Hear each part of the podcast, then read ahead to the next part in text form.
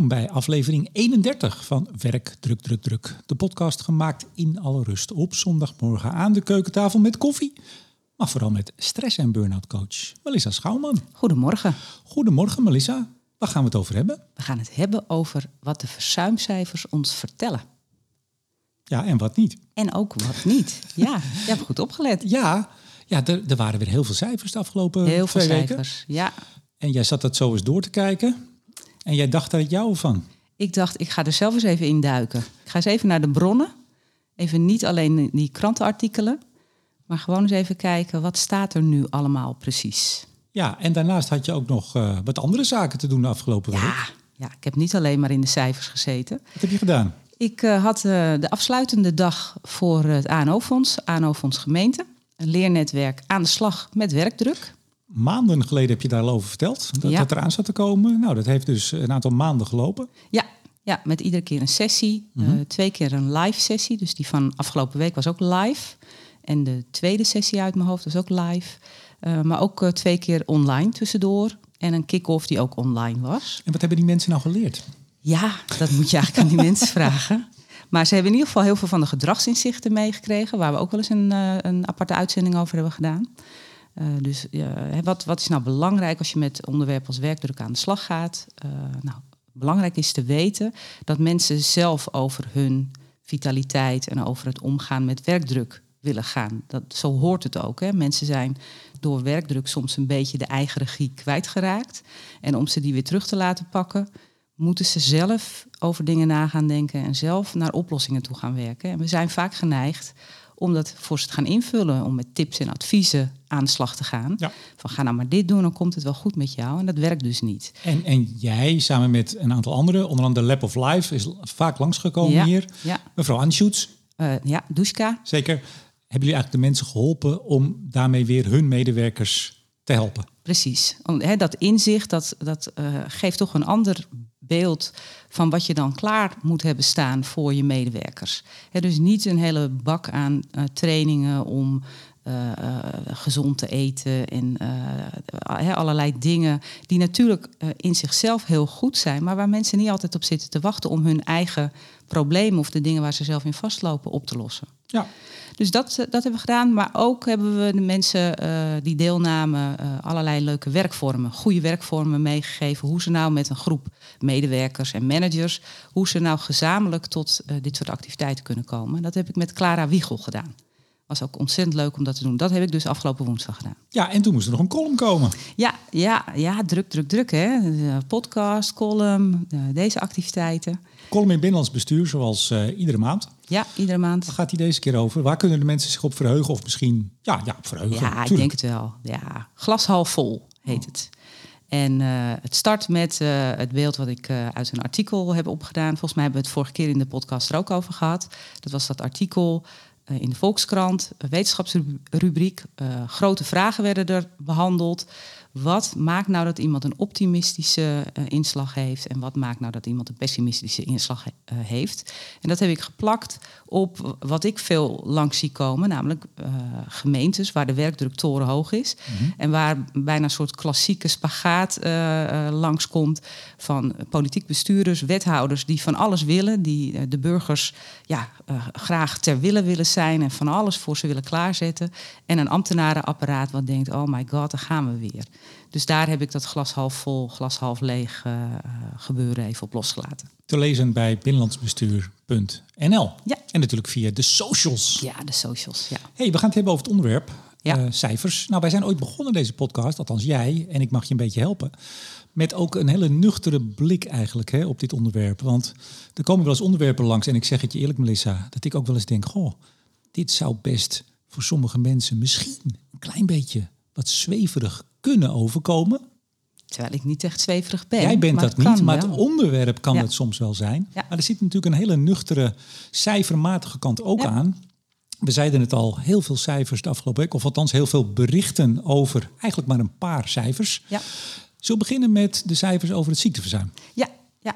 Eh, nou, dat, waren eigenlijk, eh, dat was best positief nieuws. Eh, dat waren cijfers door het CBS, Centraal Bureau Statistiek. Die uh, geven ieder kwartaal de verzuimcijfers van het hele land uh, uh, aan, van alle sectoren. Ja. en die gaven aan dat na een ja, zeg maar zeven jaar oplopend ziekteverzuim, want dat hebben we de afgelopen zeven jaar gezien, met ik geloof in 2020 even een klein verbeteringetje, maar dat is, was volop corona dat jaar, 2020. maar verder was het zeven jaar lang alleen maar erger en erger. En uh, nu is het wat beter. De verzuimcijfers zijn iets beter. Nou, van het eerste kwartaal en het tweede kwartaal. Ja, nou, daar werd volop over bericht. Ja. En dan kijk jij naar die cijfers en wat denk je dan? Nou, ik denk, ja, klopt. Hè? Uh, want als je ze even gewoon hard noemt. Uh, eerste kwartaal 2023 uh, verzuim 5,7 procent. En in 2022 was dat 6,3 procent. Mm -hmm. Dus 5,7 nu, 6,3 in 2022. En het tweede kwartaal uh, uh, 2023 5% ten opzichte van 5,4% in 2022. Ja. Dus dat is goed. Hè? Dat is, uh, en, en het is gebruikelijk overigens in ziekteverzuimland om de cijfers per kwartaal uh, uh, te vergelijken. Omdat in een jaar zelf zit seizoensinvloed. Ja. Dus je kan niet zeggen, oh, het eerste kwartaal was uh, best nog wel erg en het tweede kwartaal was veel beter. Ja, meestal is dat zo, omdat dan griepvirussen zijn uitgewerkt en al dat soort dingen. Ze vergelijken dus altijd per jaar en per kwartaal. Ja, nou, de vlag ging uit. Ja. Na zeven jaar, het gaat goed. Ja, de kentering is, is, is daar. En ik denk dan, ja, maar wacht even, 2022 was een historisch dieptepunt. We hebben nog nooit zo slecht gezeten met het landelijke verzuim als vorig jaar. Dus uh, natuurlijk eh, moet je het ook weer niet uh, afdoen als, nou, hè, het zal allemaal wel. Dat is ook weer een beetje chagrijnig. Maar historisch gezien was vorig jaar echt het allerslechtste ooit. Dus nou, fijn dat het wat beter nu is in die, in die twee kwartalen. Mm -hmm. Uh, maar ik kijk uh, naar die CBS-kwartaalcijfers. Maar ik kijk ook altijd naar iets wat CBS samen met TNO doet. En dat is dat zij ieder jaar de nationale enquête arbeidsomstandigheden uitvoeren. En dan gaan ze bij ongeveer 60.000 werknemers gaan ze een hele uitgebreide enquête uitzetten. Dat zijn mensen door alle sectoren heen, van allerlei leeftijdscategorieën. Mm-hmm. En daar komt ook ieder jaar een rapportage uit. Uh, van wat, hè, wat, wat, hoe vinden mensen nu hun werk, waar hebben ze last van, et cetera.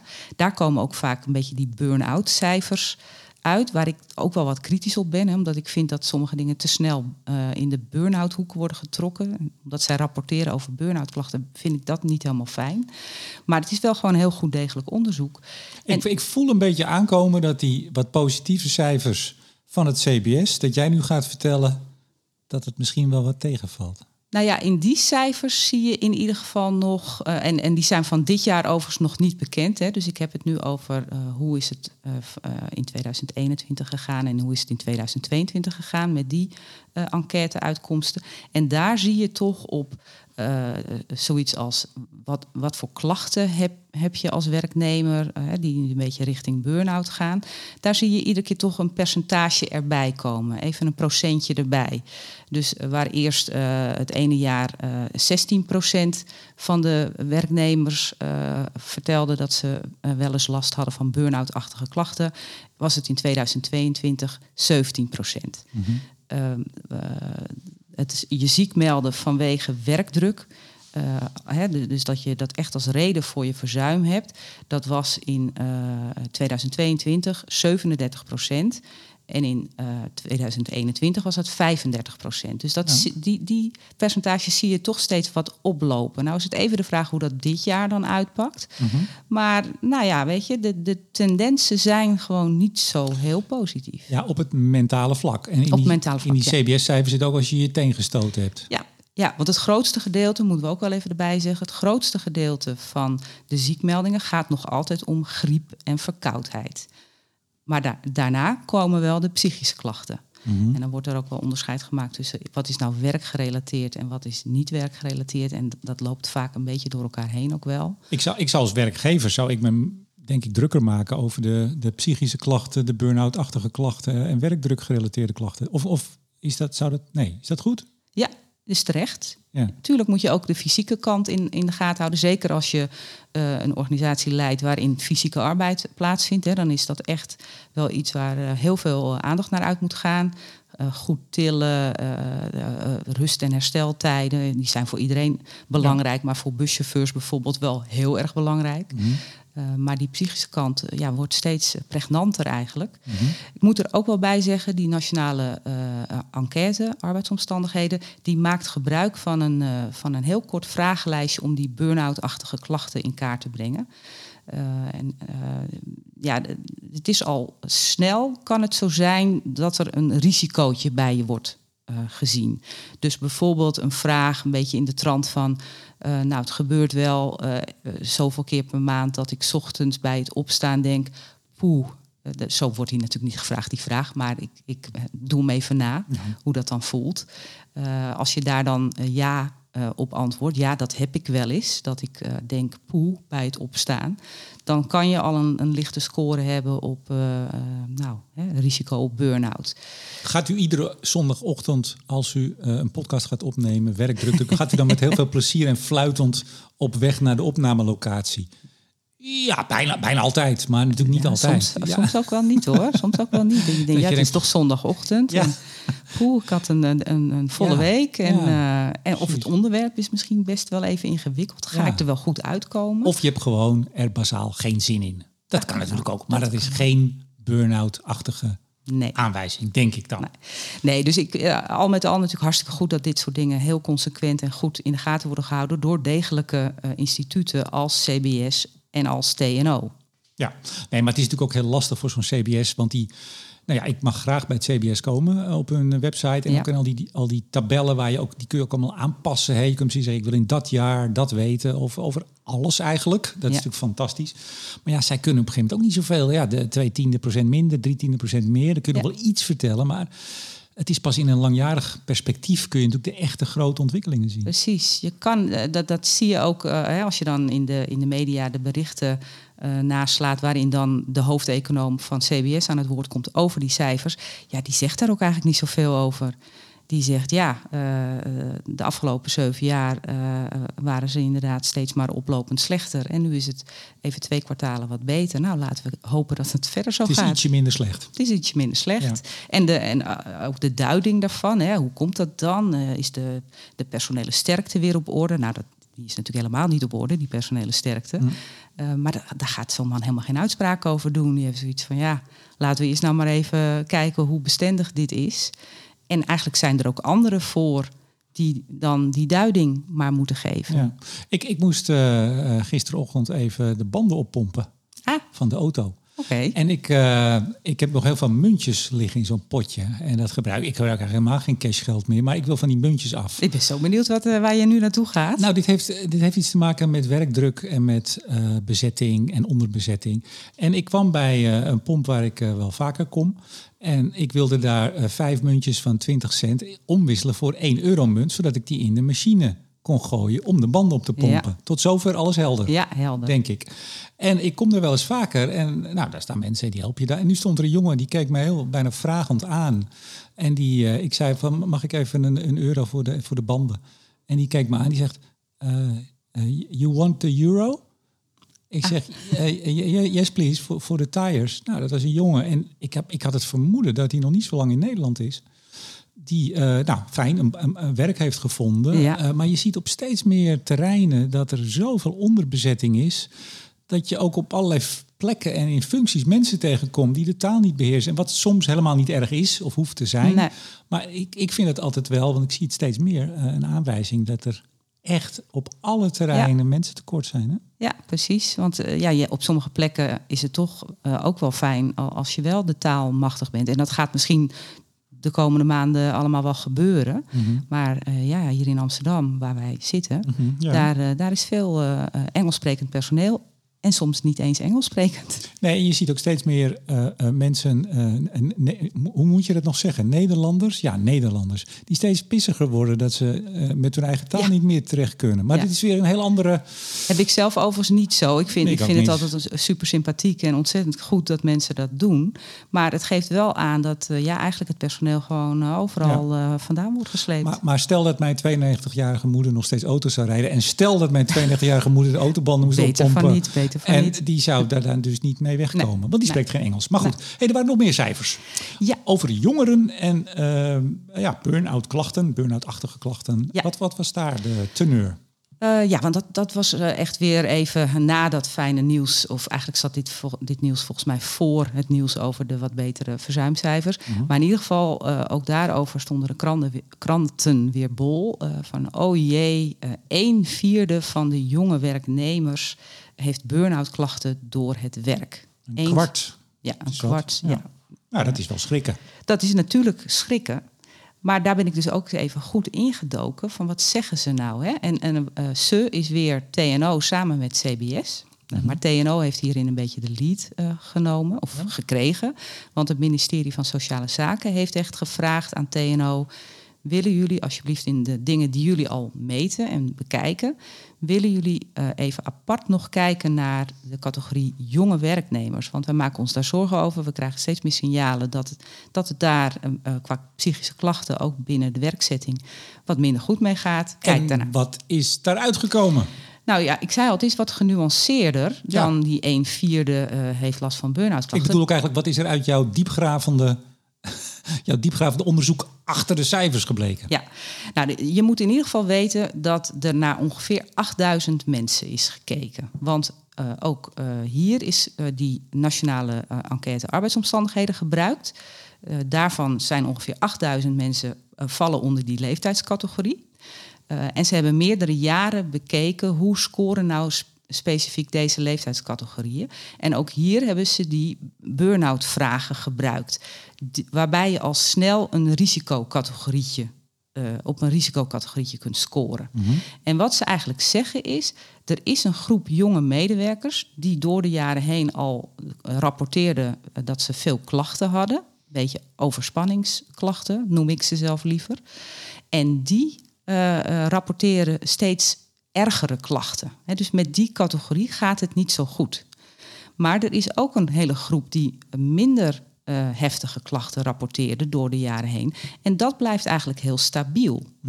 Dus er is een, een, een groep. En eh, eh, ik weet daar niet precies de omvang van, maar dat is dus veel kleiner dan een vierde van alle jonge medewerkers. Hè, want het, gaat, het onderzoek is ook gedaan op maar 8000 eh, jongeren. Uh, die, die zitten ja, in de rottige hoek, zal ik maar zeggen. Die hebben het echt zwaar.